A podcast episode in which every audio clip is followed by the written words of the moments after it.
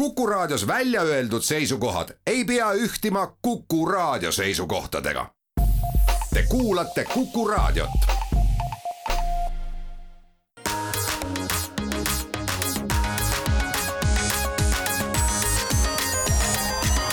digitund. digitunnile ja digimaailmale annab hoogu Telia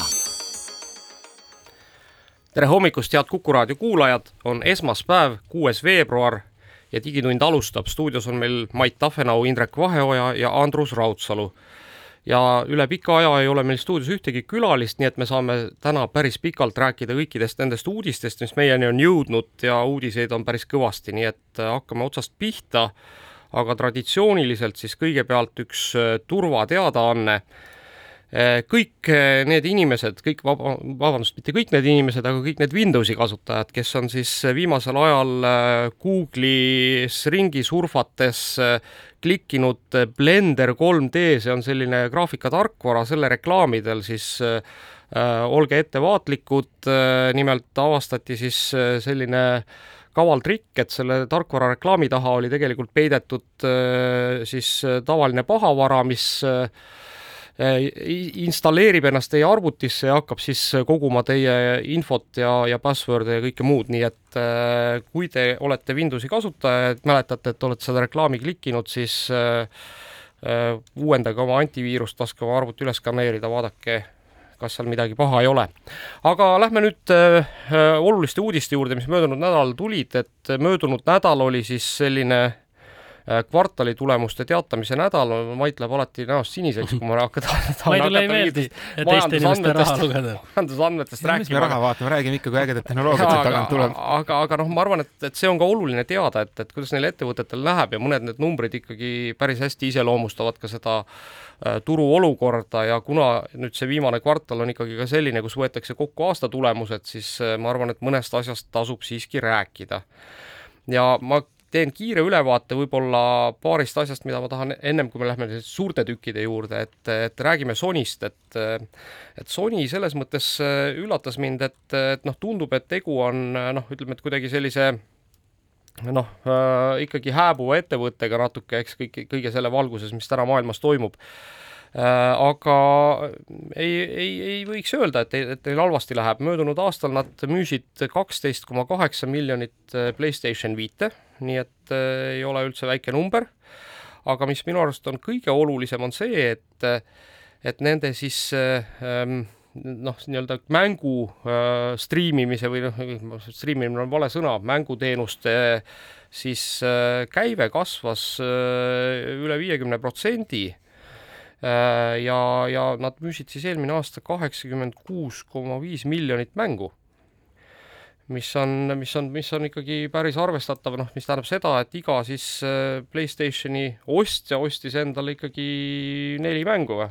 no ja, ja Sony puhul veel äh, ikkagi sa siin korraks nimetasid see kaksteist koma kaheksa miljonit Playstation viit, et nüüd viimaks saadi siis minu arust see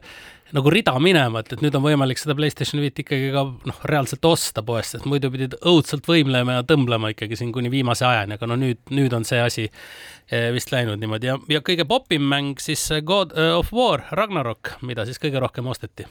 jah, kõigest eh, vist, kõigest, kõigest. üksteist miljonit korda. koopiat jah, aga, aga siit võib-olla teine huvitav nüanss, mida tasuks siis meeles pidada, on see, et et me kõik teame Amazoni kui siis äh, maailma suurimat kaubamaja, aga aga tegelikult on tegu ikkagi väga arvestatava äh, siis reklaamitööstuse tegijaga ja Amazoni reklaamikäive kasvas möödunud aastal üheksateist protsenti ja jõudis äh, üheteist ja poole miljardi dollarini, nii et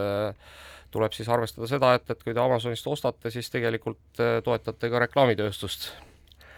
aga lähme nüüd, lähme nüüd nagu päris suurte tükkide juurde, et, et võtame võib-olla siis äh, algatuseks äh, Meta. et äh, kui me, me oleme siin vist hambaid teritanud selles saates üsna mitu korda, et kui palju siis Reality Labs kulub, kulutab raha ja noh, varasemalt oli juttu siis umbes kümnest miljardist aastas Uh, siis uh, nüüd siis tuli välja, et Reality Labs eelmisel aastal kulutas kolmteist koma seitse miljardit see on siis see äh, meta osa, mis siis virtuaalmaailmaid välja mõtleb ja kõike sinna juurde kuuluvat päris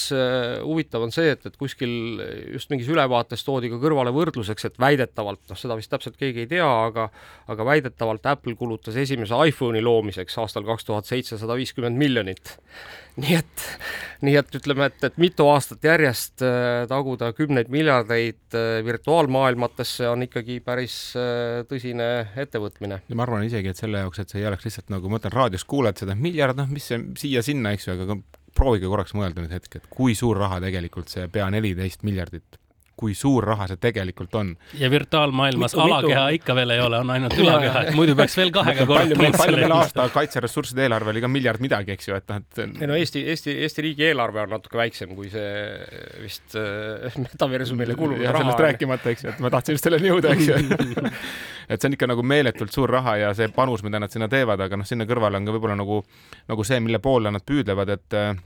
Statista just avaldas äh, hiljuti aval-, niisuguse nagu statistika, et, mis on see potentsiaalne turu suurus, kuhu nad pürgivad. Ja noh, ennustatakse, siin on ilusad graafikud olemas, et väga pessimistlik on, et kaks tuhat kakskümmend kolm on see kahe triljoni dollari suurune turg, aga optimistlik on neli koma nelikümmend neli triljonit dollarit äh, on selle turu suurus ja Meta väga pürib äh, selle poole ja selles valguses tõesti kulutada neliteist miljardit, noh, kui sul see taskus on, selle püüdmiseks. jah, jah, kui sul õnnestub saada noh, ütleme, et sellest turust samasugune tükk, eks nagu metal täna on maailmast, on ju et sinna kohe jõuame, siis, siis ei olegi väga halb. ja kusjuures ma isegi ütleks sinna niisuguse asja, et, et, et kui me vaatame neid tänaseid arendusi ja lepime kokku, et noh, tehnoloogia ikkagi areneb jällegi mingi kiirusega ja tõenäoliselt, kui sa veel algul ei tea, mis tegelikult selles maailmas lendama hakkab, siis sa panustad sellele hästi paljudele erinevatele suundadele ja on väga reaalne, et, et aastate jooksul nad kirjutavad seal viis korda ringi ja ei saaks öelda, et ükski asi, mis nagu ümber kirjutati ära visati, oli vale, see oli lihtsalt üks viis teadasaamiseks, mis tegelikult töötab. ja sellel hetkel lihtsalt oli vaja see kulutus teha, eks ju, et, et ega sa nagu hiromant ei ole, muidu võiks ju väga lihtsa vaevaga optimeerida muidugi. aga igal juhul on see nagu väga suur turg ja sellesse panustatakse ja tore, et ka Eestis on ettevõtted, kes sellega tegelevad ja, ja ma arvan, et varsti me näeme neid veel rohkem. Ja maailmas üldse on ju täna kaks suurt trendi, eks ju, üks on meta ja ütleme, teine, millest me varsti räägime, on see ai pool, eks ju, kus siis samamoodi ei ole ühtegi asja maailmas, kus oleks nii kõvasti lennanud täna, nii et, et elame põneval ajastul, on midagi uut jälle tulemas. jaa, aga ma tahaks nüüd natuke veel metanumbritest ka rääkida, et et iseenesest numbrid olid selles mõttes põnevad, et, et nende käive justkui nagu kukkus aasta-aastasse võrdluses, aga aga kasutajate arv kasvas ja kui me mäletame, et siis möödunud aastal umbes samal ajal rääkisime sellest, et kasutajate arv kukkus ja see siis äh, tegelikult äh, tõi kaasa ka Meta aktsiahinna kukkumise ja nad siis vist, kui ma mäletan õigesti, siis ühe nädalaga kaotasid umbes kakssada viiskümmend miljardit turuväärtusest. nüüd seesama väikene kasutajate arvu tõus, mis siis äh, toimus või noh, mida raporteeriti, siis see tõi kaasa jällegi aktsiahinna tõusu, nii et selle siis äh, mõne päevaga teeniti tagasi kakssada kolmkümmend seitse miljardit, nii et noh, ütleme, et sada miljardit siia, sada miljardit sinna, noh, ütleme praegu on nagu siis enam-vähem vist nullis see saldo. aga mis on oluline, et Facebook, või ütleme siis, vabandust, mitte Facebookil, aga Meta platvormidel kokku on siis tänaseks kaks miljardit igapäevast aktiivset kasutajat, see tähendab, et kaks miljardit inimest maailmas, maailmas on vist kaheksa miljardit elanikku, üks neljandik maailma inimestest igapäevaselt suhtleb mõne Facebooki, mõne meta aplikatsiooniga, eks olgu see siis Facebook, Instagram või Whatsapp. võiks öelda, et maailma kõige suurem riik. just, ja, ja, ja kui me räägime nüüd kuistest aktiivsest kasutajatest, siis neid on lausa kolm miljardit, nii et, nii et noh, ikkagi täiesti austust väärivad numbrid. Ja nüüd Meta siis ise raporteerib, et tema keskmine kasutaja pealt teenitav kasu või siis käive, vabandust, mitte kasu, käive, eks see on see ARPU, eks kuulus siis termin, mida, mida ka igasugused mobiiltelefoni operaatorid ja muud kasutavad, siis Meta teenib ühe kasutaja pealt umbes kümme dollarit kuus nii et kõik, kes me siis seal oleme, igaühe meist äh, pealt teenib Meta kümme dollarit. see on ikka erakordselt äh, palju raha ühe kasutaja kohta et.... ja hoolimata sellest, mis see kasutaja siis äh, seal Metas üldse teeb, eks ole. just, just mm, -hmm. keskmine. jah, aga, aga noh, siit, siit edasi muidugi noh, on, on, on päris huvitav, et, et, et et noh, et, et kui nüüd mõelda selle peale, et Meta teenib kümme dollarit täna, eks näidates meile reklaami, sest sealt see enamasti see raha tuleb, ega tal mingeid muid sissetulekuallikaid väga ei ole, et et äkki võiks teha nagu noh, niisuguse subscription paketi, tasulise Meta paketi, eks, kus sa ei pea üldse reklaami nägema, on ju, et noh, Arvestades seda viisteist dollarit kuus, on jaa, aga see on juba päris palju ausalt öeldes, et kas sa nagu oled valmis selle eest maksma nii palju raha, eks muidugi, muidugi teine, teine on see, et, et ausalt öeldes, kui sealt äh, Facebooki feed'ist võtta ära kõik reklaamid, et siis ma ei ole üldse kindel, mis sellest järgi jääb, kas sinna midagi jääb? no jaa, aga võib-olla siis sa hakkadki nagu nägema, et mis su sõbrad päriselt teevad. jah, võib-olla tõesti tulevad sõbrad tagasi, sõpru pole ammu enam oma Facebooki feed'is näinud. ja ega aga kusjuures ka Eestis me arvame küll, et noh, mis meil siin Eestis ikkagi, aga minu arust ka meie enda praegu valimised tulemas, eks ju, ka poliitikud panevad erakordselt palju raha, mis läheb kõik üle lombi ja ma pole isegi kindel, kas sellest mingit maksutulu Eestisse jääb. Jää, muidugi ei jää praegu, jah. ja aga noh, ütleme, et ega see on ka see põhjuseks, et miks siis Euroopa Liit näiteks üritab ikkagi panna päitsid pähe, eks suurtele platvormipidajatele, eks. et see ei ole ainult meie väikese Eesti probleem, vaid see on igal pool ju mujal ju, muidugi. Ja aga, aga noh, ütleme, et nüüd tu- tulles tagasi sinna tasuliste teenuste juurde, siis, siis äh, noh, väidetavalt äh, siin äh, Sherlockid on juba avastanud kuskilt mingeid koodijuppe, kus siis äh, on näha, et äh, vähemalt Instagramis on noh, midagi Twitteri sinise siis selle badge'i sarnast hakkab, hakkab tekkima, on ju. Nii et mine tea, et võib-olla siis äh, varsti näemegi seda. meie regioonis see veel ei kehti, ma juba siin ei, ei, ei kehti, ei kehti, ei kehti, see vist ei kehti veel mitte kuskil. aga noh, ütleme, et, et kuskilt koodist on juba avastatud mingeid selle algeid. Aga noh, lõppkokkuvõttes võib-olla, kui see kõik kokku võtta, siis äh, mis oli siis Zuckerbergi enda nagu äh, sõnades äh, hoopis teisiti, oli see, et kui ta möödunud aastal ikkagi rääkis kõvasti nagu metaversumist ja metaversumist ja siis seekord rääkis efektiivsusest, et meta peab keskenduma efektiivsusele ja noh, ega see, et ta nagu siin hiljuti ka üksteist tuhat inimest lahti lasi, on noh, ikkagi ju noh, samm sinnapoole. Aga ma arvan, et tõmbame siit sellele metale joone alla, lähme reklaamipausile ja siis tuleme teiste hekseldamise juurde.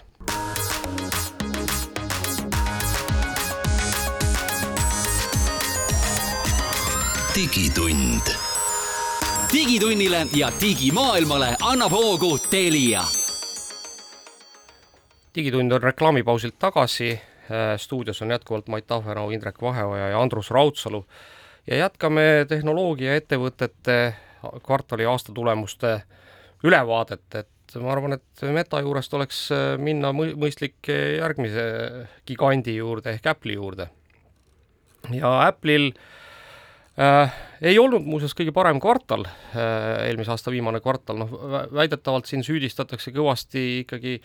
iPhone äh, Pro Maxide kehva saadavust äh,, mis, mis tulemused alla tõid, aga nüüd siis äh, alates kahe tuhande üheksateistkümnenda aasta vist teise, esimesest või teisest kvartalist, ma täpselt ei mäleta, ei ole Apple'il olnud ühtegi kvartalit, kus siis tulemused oleksid langenud võrreldes eelmise kvartaliga ja nüüd on siis äh, see viimane kvartal oli siis selline, nii et aga selle kõrvale käib vist ka üks teine uudis, et üks asi on nende saadavus, aga eelmine nädal oli ka üks uudis, kus on üleüldine turg, turgude ülevaade ja telefonide müük on üldse nagu öeldud, et äh, esmakordselt on hakanud allapoole minema, et, et kas kõigil on siis taskus juba head telefonid või siis ei ole vajadust järgmise järgi veel olnud, et et see buum kui selline nagu on niisugune rahulikumaks minemas ja võib-olla on ka jõudnud kätte see aeg, et inimesed kohe ikkagi ei hakka järgmise mudeli ilmudes äh, kõik ümber vahetama oma telefoni. loomulikult, et mingi osa vahetab, aga, aga ega need äh, ei vanane, need telefonid. kusjuures ma arvan, et seal on ka teine pool, et, et paljudel riikidel ei olnud ikkagi veel nagu see telefon kõigil veel taskus, meie, kes me oleme siin juba kümme aastat häid telefone kogu aeg vahetanud, ei ole kõikidel olnud, et ma ei oska öelda, mis see seal pilt on, aga selge on see, et Apple'i tuludest enamuse moodustab mis asi? iPhone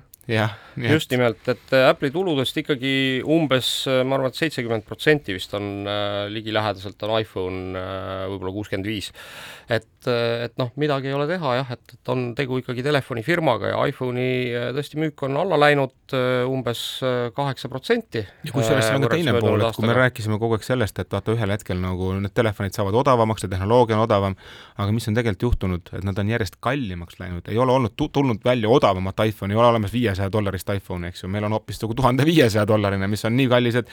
et ma isegi ütlen ausalt, ma tean väga vähe inimesi, kes kohe nagu jooksevad selle kulutust tegema, pigem nad nagu mõtlevad, et kurjam, see on nüüd nii kallis, et äkki saan aasta veel. no aga täpselt nii ongi, ma arvan, et see tsükkel läheb nüüd ikkagi, venib pikemaks tagasi, sellepärast et see telefon on nii hea, sul otsest põhjust vahetada ei ole ühtegi nagu noh, jalust rabavat uuendust ju seal ei tule, eks, et noh, räägime siin Kosmeetilistest Samsungi, Samsungi muudatustest, telefonidest, eks, eks, et ka noh, ja vaatame, kas seal tuli, aga noh, eks siis kuulate, siis saate teada. Aga jah, ütleme, et huvitavad on kaks asja, mis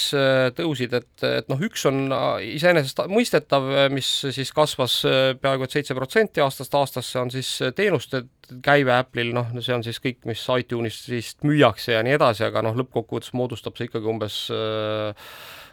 natuke alla kahekümne protsendi Apple'i kogukäibest, nii et, nii et tegelikult, tegelikult on tegu ikkagi riistvarafirmaga, aga mis oli mulle üllatus, siis äh, iPadide müük kasvas peaaegu et kolmkümmend protsenti aastast aastasse võrreldes, nii et äh, ma ei tea, ma küll ei mäleta, et seal iPadide turul oleks midagi olulist juhtunud, okei okay,, uus iPad tuli, noh siis selles mõttes mitte siis iPad Pro, vaid iPad, mis noh, ikkagi oli nagu radikaalselt uuem, on ju, võrreldes vanadega ja noh, minu arust ka natuke mõistlikum. Ma isegi usun, et see hüpe võiks olla veelgi suurem, kui iPadist saaks päriselt ükskord arvuti, eks ju, sest klaasas on juba klaviatuurid ja kõik muud jubinad, aga sellega peale hakata on endiselt natukene nagu vähe, et ma igapäevaselt kasutan, töötan ka mingi remote desktop'is läbi iPad'i, aga aga noh, tõesti see natukene nagu ütleme, ta ei erine enam laptop'ist kuigivõrd, välja arvatud see, et tema enda, enda sees sul kaasas ei ole täisfunktsionaalset operatsioonisüsteemi aga nüüd, kui me rääkisime siin Meta kahest miljardist äh, kasutajast päevas, kes käivad siis kuskil Meta noh, saitidel või teenustes, siis äh,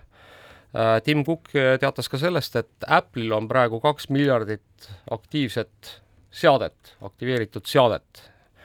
maailmas, mis noh, ütleme, et teeb ta mõnes mõttes nagu vaata et isegi kangemaks kui Meta, sellepärast et noh, läbi nende Apple'i seadmete ju sa mitte ei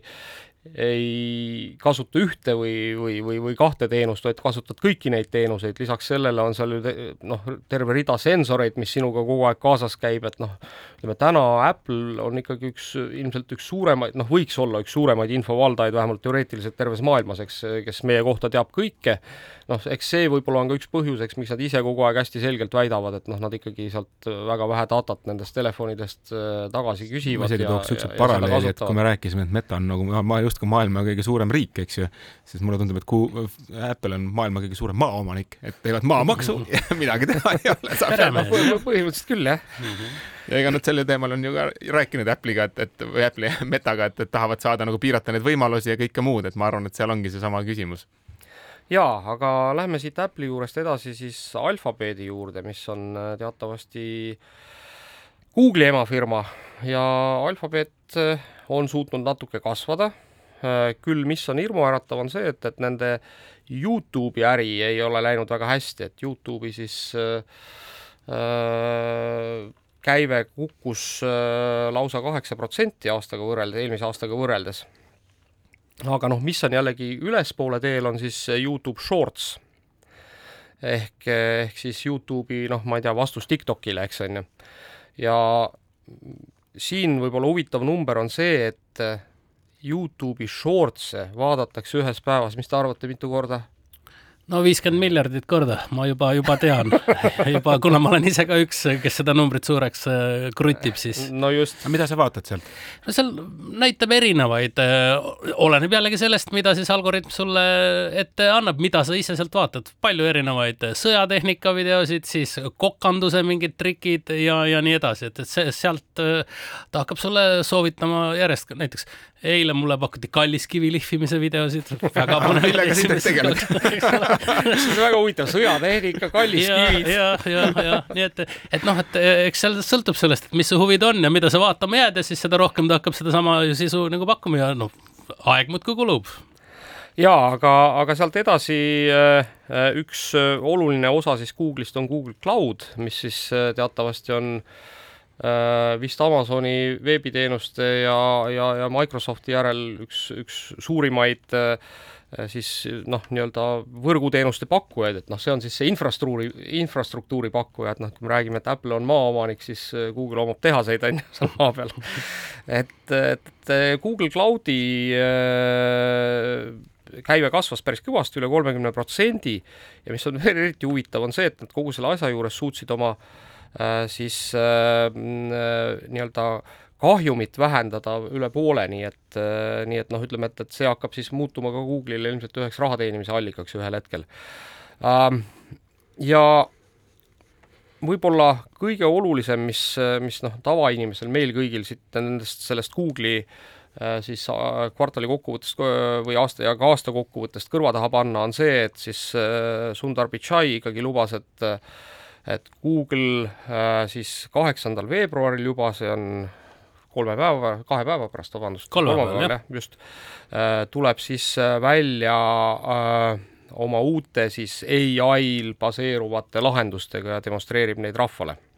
Arvestades seda, et nad on tükk aega öelnud, et nad ei taha sellega midagi teha ja nüüd järsku siis, kui sellest on saanud maailma kõige suurem äh, jututeema, on ülikiiresti, mõtle, mõelge, kui suur organisatsioon on Google ja kuigi raske on niisugust laeva pöörata, nad on ikka väga kiiresti oma prioriteedid ümber tõstnud ja, ja öelnud, et see on nende top prioriteet üldse. no ja aga, aga arvata nüüd seda, et nad, kuigi nad ütlevad siis välja, et me ei taha sellega tegeleda või seda välja kommunikeerida, ega nad, see ei tähenda nüüd seda, et nad ei, sellega aktiivselt ei ole iga päev tegelenud, eks, et see on niisugune võib-olla väikene nagu prioriteetide sättimise küsimus. ja, ja ega nad, ega nad jah, muidugi, et nad ei tühjast ole ju selles mõttes tühjast, tühjast kohast, eks, et, et tegelikult kui me nüüd vaatame, siis, siis Google tegeles äh, tehisintellektiga ikkagi palju, palju, palju varem kui OpenAI ei no ma arvan ja..., et isegi need OpenAI baastehnoloogiad baseeruvad tegelikult väga paljuski Google'i välja töötatud tehnoloogiatel. täpselt nii ja, ja Google'il on ikkagi noh, ütleme siis selle GPT-de kõrvale on olemas oma siis tehnoloogia, mille nimi on Lambda mis noh, väidetavalt äh, on isegi natuke nutikam ja parem. Ja noh, siiamaani ei ole ju Google lihtsalt midagi välja toonud selle lambda põhjal just sellepärast, et, et noh, et ütleme, et et noh, chat GPT probleem on ikkagi see, et ta võib sulle nagu sulaselgelt näkku valetada ja väga veenvalt seda teha, ilma et sa siis midagi aru saaksid, et, et kusjuures ma isegi ei leia üles, aga, aga mulle meenus mingisugune pealkiri kusagilt, kus oli teema, et, et Google'il tuleb ka otsimootorile nüüd väga olulisi täiendusi, kus ikkagi integreeritakse mingit ai tehnoloogiat, et, et millisel viisil ei tea, aga ma ei, kahjuks ei suuda ka seda leida. aga, aga võib-olla kuulajad ise otsivad ka ja vaatavad, mis sealt tuleb ja kindlasti aasta jooksul tuleb sellest ka juttu veel, nii et jaa, et seal noh, väidetavalt on juba Google'is on siis niisugune asi, mille nimi on siis Apprentice Bard ehk see võiks siis olla nagu, mis siis nagu laulumehe õpilane või rahvalaulika õpilane mm. -hmm. et, et, et selline toode on vist juba sisemiselt kasutusel, kus siis noh, põhimõtteliselt on võimalik siis sarna-, sarnaselt chat GPT-le esitada talle igasuguseid küsimusi ja saada vastuseid, aga ma arvan, et et kõige olulisem selle juures ongi see, et, et millega Google täna tegeleb tõenäoliselt nagu siis noh, ma ei tea, saja kümnega kütavad praegu, on ju on see, et, et kuidas äh, kasutada ära nii-öelda Google'i oma teadmist nagu maailma kohta ja seda massiivset andmebaasi nagu selleks, et neid äh, tulemusi ikkagi nagu noh, mis sealt siis äh, tehisintellekti suust tulevad nagu võimalikult usaldusväärseks tuunida. kusjuures ma arvan, et ka see Google'i otsingumootori baas ise peaks olema ideaalne koht, mille pealt treenida materjali, sellepärast et noh, nad on ikkagi töödelnud selle mingile kujule ja nii edasi, et, et selles mõttes ta on ikkagi ideaalne pinnas, kust, kust neil on nagu kõige kergem startida nii, aga lähme siit reklaamipausile ja oleme siis äh, tehisintellekti jutuga juba varsti tagasi.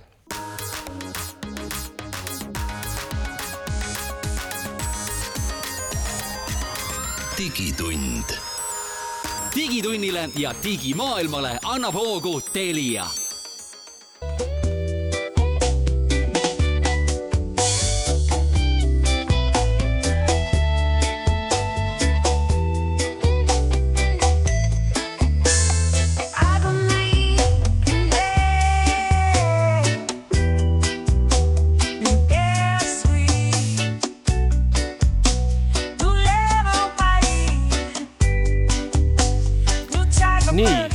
digitund on tagasi eetris ja äh, see, mida te kuulsite just, ei olnud üldse eksitus helipuldis. Äh, see muusika, äh, mis sealt tuli, on siis Google'i tehisintellekti Music LM poolt komponeeritud muusikapala regi stiilis, noh, seal isegi laulis üks naisterahvas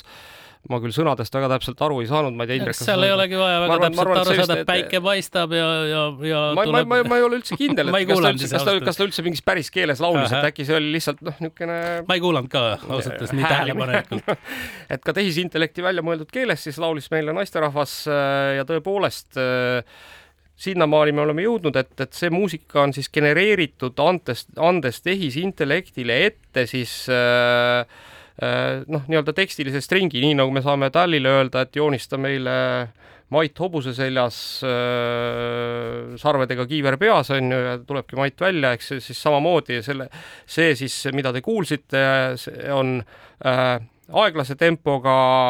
trumm ja bassiga regilaul äh,.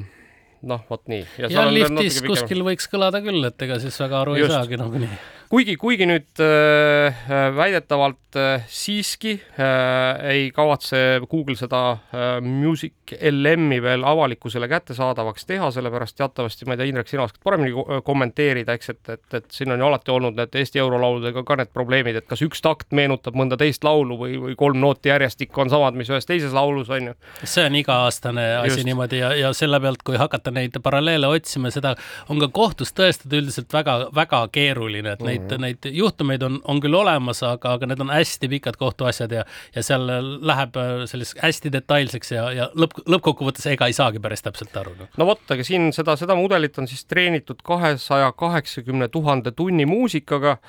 ja noh, väidetavalt siis ikkagi eh, noh, paraku nendes tema kompositsioonides eh, võib olla umbes üks protsent siis sellist materjali, mis on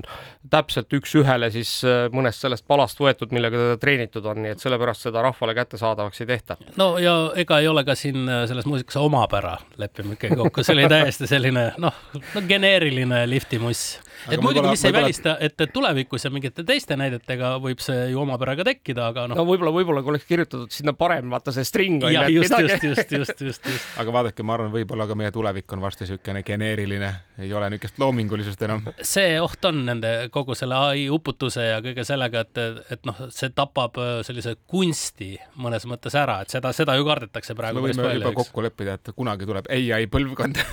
kes on üles kasvanud. ja siis on, oleme meie see vanem põlvkond, kes hakkab ütlema, oi, vanasti olid päris kunstnikud ja päris muusikud ja tehti asju. inimesed mõtlesid päris mõtteid.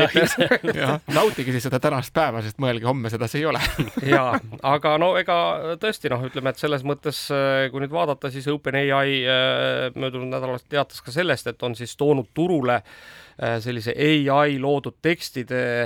detek-, detekteerimise tarkvara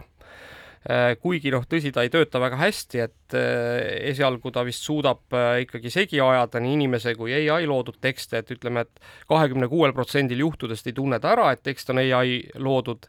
ja, ja üheksa protsenti siis inimeste loodud tekstide, tekstidest peab ta tehisintellekti looduks, nii et päris huvitav oleks muidugi, et vot see on mm. küll nagu päris kurb, et kui sa kirjutad mingi teksti ja siis öeldakse, et noh, see on tõenäoliselt tehisintellekti parim viis, ma ei mäleta, vist raadios ei rääkinud sellest, aga kellegagi juttu oli, et oli üks äh, õppejõud, kes avastas, kuidas kõige kergemini tuvastada et kui sa võrdled sama tudengi varasemaid töid ja neid töid, mis nüüd praegu tulid ja märkad, et toimunud on kvalitatiivne hüpe, eks ju, millegi mingis suunas, siis eh, tõenäoliselt ei ole enam tegemist tudeng on targemaks saanud. aga see on ka selline unustatud vana ju, ega vanasti oli ju samamoodi, kui sa lasid kellelgi eh, teisel inimesel oma töö ära kirjutada ja see piisavalt palju eh, erines sinu stiilist, ega siis õppejõud ei ole nagu ka puu otsast kukkunud, ta saab ju aru või ja, kui ta mäletab, eks ole, kuidas, kuidas sa äkki nii arenesid, kas sa oled mingeid raamatuid lugenud, vaevalt küll, eks ju kuulge, aga, aga mis veel möödunud nädalal äh, siis teatavaks sai. tead, mul on üks ai uudis põnev no, hoopis no,, mis no, ma siia no, otsa suruks. nimelt on Microsoft siis teada andnud seda, et Teamsi tuleb siis äh, GPT tugi sisse, chat GPT tugi. see hakkab maksma kuskil kümme dollarit kuus ja selle eest pääseb siis keegi äh, koosolekul osalejatest sellisest tüütust kohustusest, nagu on koosoleku protokollimine. no see on super. ja ta suudab siis lühikeseajalisi tõlkeid teha, kui siis noh, ütleme, okei okay,, no selgelt eh, on põhiline seal inglise keel, millega toimetatakse. Ja lisaks sellele on siis kõikvõimalik eh, arvepidamine ja statistika selle kohta, et kes rääkis, kes kuulas, mis kellaajal, et, et jääb ära selline asi, et noh, et, et, et me ju rääkisime, aga siis saab väga kergelt välja võtta, kes sellel ajal koosolekul oli ja keda ei olnud kusjuures äh, siia kõrvale ka chat GPT, kes ei ole saanud liia, siiamaani võib-olla ka aega kogu aeg noh, seal teenusesse minnes võib juhtuda, et ta ütleb, et noh, hetkel ei õnnestu ja pead korduvalt proovima. et ka neil on nüüd väljas kahekümne dollarine kuutasuline teenus küll Ameerika klientidele, aga osav kuulaja kindlasti leiab viisi, kuidas siis leida endale Ameerika kliendi võimekus ja saad endale siis palju paremat chat GPT. kuule, aga selle Teamsi uudise juurde, Indrek, ma tahaksin sulle öelda ka seda, et, et on niisugune siis äh, kolmas osapool, äh, Creative Data Studios, niisugune ettevõte on, on tulnud välja siis tarkvaraga nimega Ghostwriter,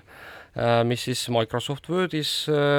suudab chat GPT abil siis sõltuvalt sellest, palju sa selle Ghostwriteri siis äh, programmi eest maksnud oled, et kui oled kümme dollarit maksnud, siis suudab sulle paar, paar, paar siis paragrahvi luua, aga aga kui maksad kakskümmend viis dollarit siis pro versiooni eest, siis suudab sulle noh, igasuguse pikkusega tekste genereerida ja muuseas siis kasutab selleks erinevaid siis OpenAI poolt pakutavaid mudeleid, mitte siis ainult chat GPT-d, nii et noh, on ikkagi juba täna võimalik siis põhimõtteliselt oma noh, mingisugune töö valmis kirjutada, eks, niisuguse programmi abil, aga muuseas, mis on kõige olulisem tegelikult möödunud nädala uudis, on see, et et chat GPT on saanud endale siis selle napi kahe kuuga, mis ta on olnud äh, saadaval, sada miljonit igakuist aktiivset kasutajat ja see tähendab, et need on need inimesed, kes ikkagi noh, mitte korra ei ole käinud seal saidil vaatamas, vaid kes tegelikult kasutavad ja see teeb tast muuseas üleüldse ajaloos kõige kiiremini kasvanud teenuse internetis. Nii et selles mõttes on ikkagi noh, me täna hetkel näeme oma silmadega revolutsiooni, mida me noh, võib-olla ei tunne veel ära, eks, aga noh, arvestades seda, eks, kui palju me siin täna ja oma eelmistes saadetes tehisintellektist räägime, siis, siis ilmselt ei, ei ole vist kahtlust, et see revolutsioon on kätte jõudnud. ja et kui keegi veel kahtleb, et kas see on maailma kõige suurem asi hetkel või üldse läbi ajaloo, siis see, see on fakt, see ei ja, ole enam meie on... nagu välja mõeldud lause. no on juba olemas ka sellised asjad, mäletate sellist seriaali nagu Seinfeld, eks ole, mis noh, rääkis New Yorgis seal kolmest sõbrast, seal oli noh, juhuslikke tegelasi veel, põhimõtteliselt tegevus toimus mitte millegi ümber, nad ei, seal kahesaja osa jooksul mitte midagi ei juhtunud. ja nüüd on tehtud siis äh, ka ai-ga selline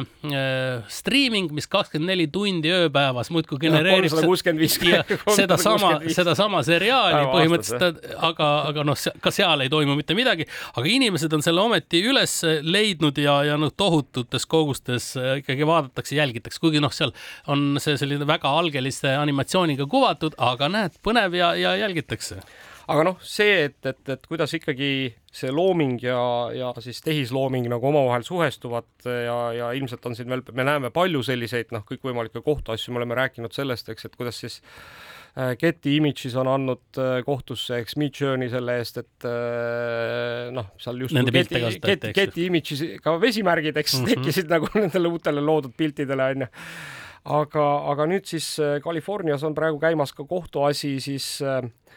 ähm, Microsoft äh, on siis GitHubi, mis teatavasti on ka Microsofti oma, ehk siis integreerinud sellise noh, ma ei tea, tarkvaraarendaja abivahendi, eks, et kus siis chat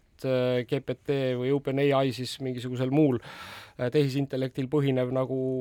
noh, nii-öelda abivahend võimaldab siis tarkvaraarendajatel paremat koodi kirjutada või noh, mingisuguseid oma koodijuppe lõpetada ja nüüd on siis äh, terve rida anonüümseid tarkvaraarendajaid on andnud Microsofti kohtusse selle eest. ja ega see koodi kirjutamine tulevikus saab ka olema üsna nagu võib-olla nagu mitte nagu inimeste poolt, et äh, Google äh, väidetavalt on ei sorry, OpenAI, OpenAI tiim on palganud väidetavalt terve armee partnereid, tehe, mille eesmärk on siis kõige lihtsama taseme programmeerimine muuta ajalooliseks tegevuseks, et, et see kõik peaks saama masinate poolt tehtud, et see on OpenAI siis suur eesmärk. no vot, äh, aga siinkohal võib-olla lõpetame selle ai jutu tänaseks ära, et, et ma tahaks tuua hoopis ühe teise naljaka näite siis sellest, et kui raske võib olla jälle mõne teise tehnoloogia algus nimelt saime siis teada, et äh, Amazon on äh, pikka aega siis äh, Amazon Prime Airi kaubamärgi alt siis Californias ja Texases siis toimetanud kojukannet droonide abil ja on arendanud siis kõvasti neid droone, eks, mis suudaksid paki teile koju viia. ja noh, tuli nüüd välja, et siis viimase kuu aja jooksul siis on sooritatud kümme kojukannet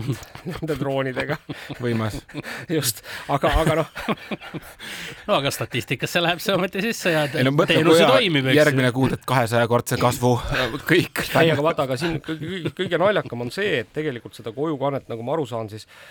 kõige rohkem pidurdavad sellised äh, noh, igasugused kohalikud regulatsioonid, eks ju, sest näiteks seesama Amazoni droon ei tohi lennata üle tee, juhul kui seal sõidab auto parajasti seal selle tee peal. noh, ma ei tea, siis ilmselt on nagu mõeldud seda, et see, see droon nagu autole pähe ei kukuks või mm -hmm. midagi sellist, eks noh, ma küll ei tea. siis ta seisma seal ühe koha peal ja ootama, kuni ühtegi autot ei tule ja kui on a la nagu Tartu maantee meie kõrval, siis noh, jääbki ja, ootama. ja selleks, selleks kasutatakse siis noh, spetsiaalselt nagu siis mingisuguseid inimesi, kes siis noh, nagu äh,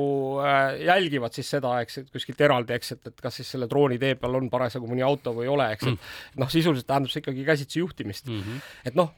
pole midagi teha, eks, et, et niikaua, kui sellel tehnoloogial on sellised äh, raamid ümber, siis äh, ega ta kuhugi ei arene ka. vot seda ma ütleks, et poliitikuna vähemalt, kui keegi siin tahab ka kodumaal teha mingit innovatsiooni, siis vaadake, kus on nagu tehnoloogiaettevõtete tegelikud raskused ja leidke kohad, kus teil on võimalik teha mingisugune asi nagu noh, tõesti noh, jaburaid asju, mis võib-olla ajalooline seadus tõkestab, tegelikult sellel ei ole ju mingit sisu, et, et noh, mis see nagu üle auto lendamine droon tegelikult tundub noh come on. ta teeb seda ju kogu aeg. absoluutselt nagu, et pigem ma näen ohte nagu kusagil mujal, et, et võib-olla on ka Eestis väga palju asju, mida ettevõtjad tegelikult tahaks, et lihtsustaks oluliselt kiiremini Eestis mingite innovatsioonide tegemist võrreldes sellega, mis on mujal riikides. aga Valge. et Mait siin oma valimisplatvormi ei hakkaks looma ja seda ette kandma, lähme siit reklaamipausile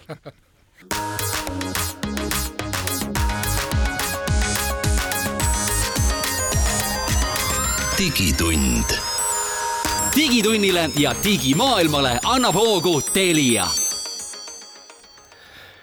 digitunni viimane veerand on eetris, stuudios on jätkuvalt Mait Tahvenau, Indrek Vaheoja ja Andrus Raudsalu.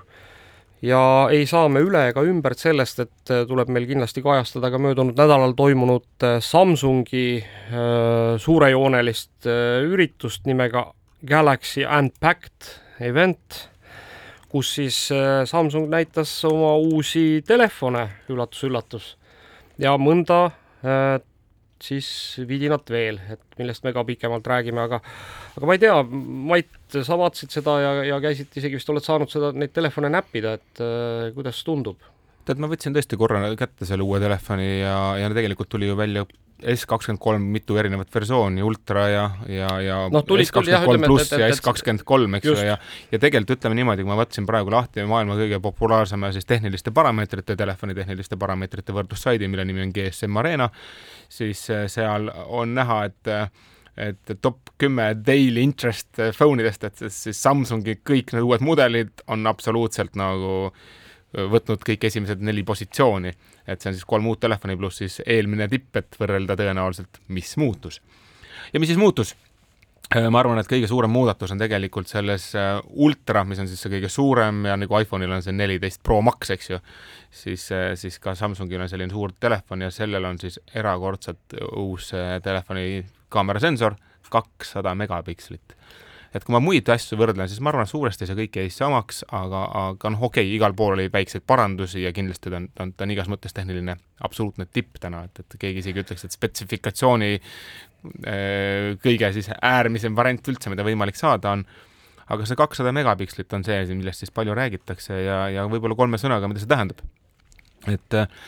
esiteks teeme kohe selgeks, kakssada megapikslit ei ole nüüd see, mida sa nagu iga pildiga sealt kohe endale kätte saad,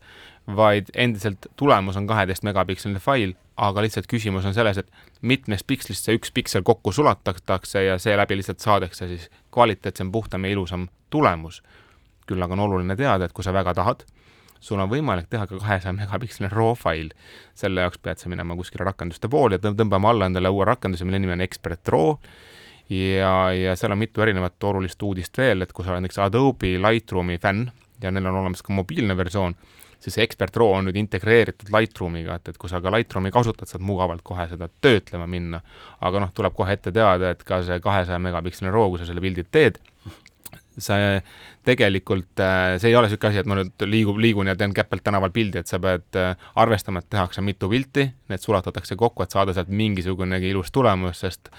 need sensori pikslid on niivõrd pisikesed ja see muidu mürane oleks nii pilt, niivõrd rikutud, et sa ei tahaks seda kahtesada megapikslit niikuinii näha. kusjuures nii nagu mina aru saan, siis nad on ikkagi teinud mingisugust musta maagiat ka selle sensori nagu noh, nii-öelda füüsilise ehituse kallal. ehk, ehk noh, jah, tegelikult täpselt nii nagu Mait ütles, eks, et, et probleem on selles, et kui sul on väga tihe sensor, eks siis nende pikslite vahe on väga väike, on ju, ja nad ei saa enam aru, eks, et, et ja noh, mis tekitab pildi peal siis sellise noh, noh, ütleme joonte hägustumise on ju, mingite imelike värvilaikude tekkimise võimalikult ja noh, igasuguseid muid asju aga, aga nad on siis teinud mingisugust musta maagiat nagu sellel moel, et, et need, ka needsamad imepisikesed pikslid, mis on imetihedalt seal sensori peal, suudavad ikkagi senisest oluliselt paremini äh, nii-öelda seda noh, neile langevat valgust täpselt mõõta, nii et äh,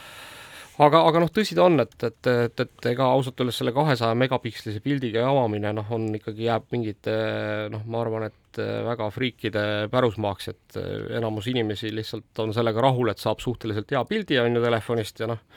ja, ja, ja tänapäeva olukorras, kus tegelikult enamus telefone ju enam ei peegelda reaalsust, mitte seda, seda reaalsust, mis kaamerasensor näeb, vaid noh, üritavad seda nagu ai-ga parandada, siis siis noh, ütleme, et ma arvan, et see, et, et kui hä hästi ehitatud on see tehisintellekt seal kaamera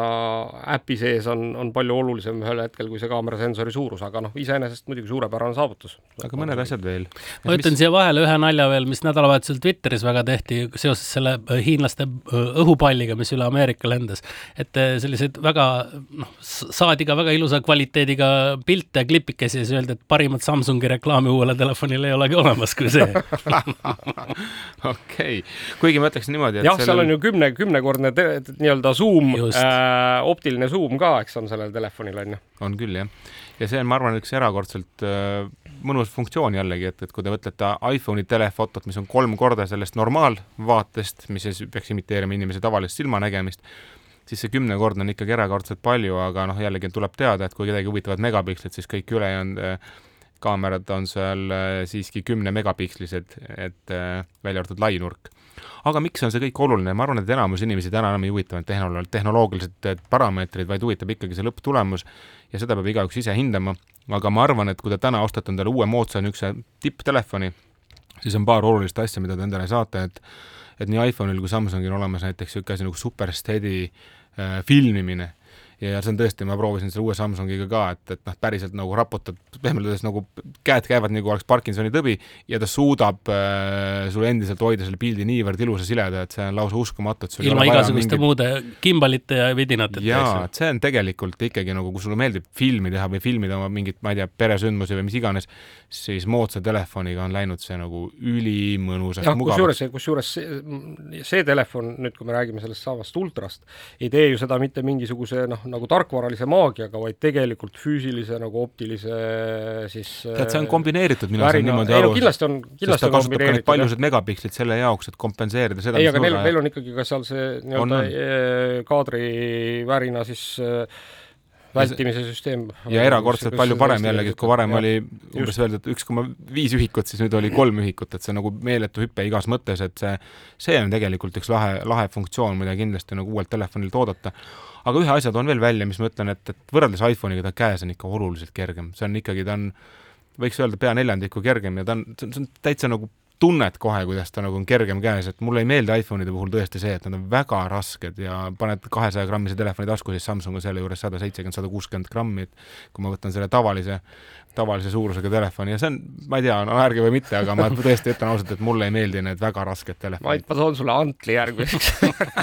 iga päev kannad kaasas. ei no harjutab natuke. kujuta ette, suvel, on, on, meil Eestis on mõnikord ka see soe periood, eks ju, ja siis lühikesed püksid, kus sa selle paned, eks ju, et, et püksid. see on ka igasuguste kõikide telefonide häda, et et ei ole teda kuskile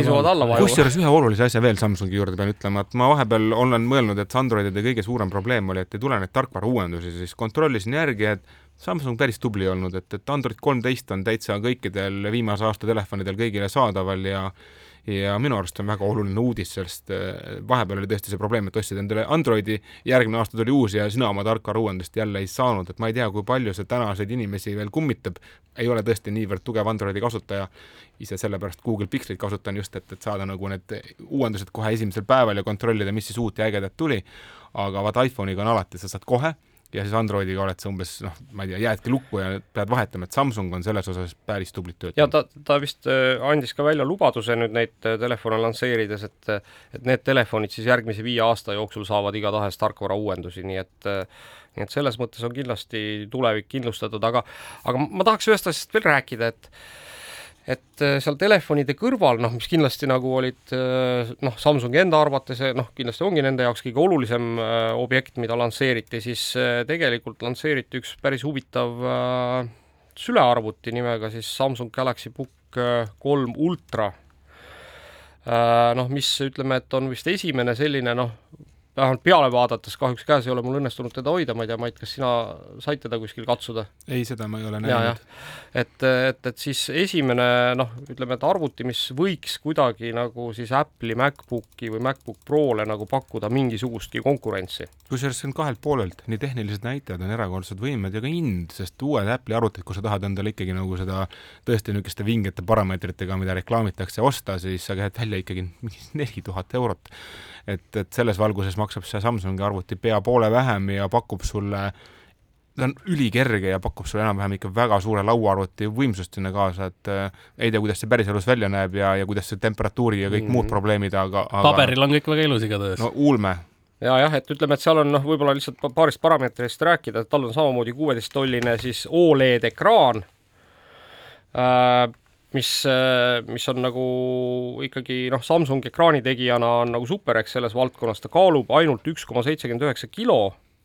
ja on võimalik siis äh, saada Nvidia RTX nelikümmend seitsekümmend videokaardiga, noh, mis on, ütleme, et noh, videokaardi võimekuselt ilmselt annab kõigile Apple'i protsessoritel hetkel silmad ette, noh, küsimus on iseenesest muidugi see, et kui kaua see aku seal vastu peab, eks. ja isegi ma ei kujuta ette, et see RTX-i, kas siis see mobiilne versioon saab olla sama võimas kui lauaarvutis, aga no ütleme, faktiliselt tegemist on ikka erakordselt võimsa komplektiga. kuulge, aga lähme korraks veel autouudiste juurde ka, et, et, et, et möödunud nädalal oli kaks äh, toredat ja olulist autouudist, et esimene oli see, et äh, Mercedes-Benz sai siis USA-s esimesena äh, kolmanda taseme isejuhtimise sertifikaadi. see tähendab siis seda, et põhimõtteliselt võib siis äh, selle autoga sõita um-, kuni neljakümne kilomeetrise tunnikiirusega nii, et äh, käed roolil ei pea olema, auto saab ise hakkama ja noh, ütleme, et juht on, peab siiski istuma juhi kohal, on ju, et olema valmis sekkuma, kui midagi juhtub. ja, ja siis kahe tuhande kahekümne neljandal aastal siis Mercedes S-klassi ja EQS äh, siis elektriautodes on see saadaval. aga ma arvan, et möödunud nädala kõige põnevam ja ägedam autouudis meie jaoks on see, et äh, Äh, siis äh, eestlased... näidati Eesti elektriautot ka eestlased on liitunud selle elektriauto teemaga, kusjuures pull on selles, et ma vaatan selle andmeid ja nad sihivad hoopis teistsugust kategooriat kui enamus elektriauto tegijad. Nad tahavad teha kohutavalt äh, kerge, väikese auto millega tegelikult äh, võiks sõita juba alates kuueteistkümnendast eluaastast, vaata nagu need mopeedautod meil on. ma just, ma just mõtlesin, et kas see ongi see mopeedauto, et see mopeedauto juhtimiseks vist ei ole ka lube vaja, onju. vot sõltub nüüd tingimustest, aga jalgrattaload peaksid vist ikkagi olema. no vot jah, ma ei, täpselt ei tea, et, et omavahel no, no, igal, igal juhul nad sihivad hoopis teistsugust klassi ja minu arust see on erakordselt vahva, et, et nad, äh, auto võimsus on viisteist kilovatti, selle kaal peaks jääma alla neljasaja viiekümne kilo, maksimaalne kiirus on üheksakümmend kilomeetrit tunnis ja istekohti on kaks ja minu arust väga mõnus, et, et niisugust teist nišši ka nagu üritatakse, sest tõesti mopeedautode kategooria oma olemuselt on tegelikult see väga kuidagi kaine mõistusega õige teekond, kuhu liikuda, aga, aga need valikud, mis seal turul valitsevad, see on selline, et mitte keegi meist ei taha sellega päriselt no, sõita. ütleme, et nad on täna ikkagi üsna koledad ja noh, kui sa nüüd noh, vähemalt kõrvalt näed neid tänaval liikumas oma väikeste niisuguste eh, peenikeste rataste peal, siis tundub, et see sõitmine nendega ka väga mugav ei ole, eks, et, et noh, ütleme, et et kahjuks oleme sellest Eesti elektriautost näinud vaid esmaseid pilte ja noh, nende piltide pealt näeb ta ikkagi väga äge välja. ja päriselt niisuguse autoga hommikul tööle tulla, noh, ma arvan, et see on erakordselt vinge võrreldes nende suurte kolossumitega, millega me tavaliselt sõidame ja kuhu saab peale võtta nii palju kilosid, et milleks jaa, aga siit siis soovime Eesti elektriauto tegijatele tuld tiibadesse, et meil siis varsti oleks kõigil see elektriauto kuskil käepärast võtta ja läheme siit äh, juba Digitunni lõpetamise juurde, kohtume teiega järgmisel nädalal, head kuulajad.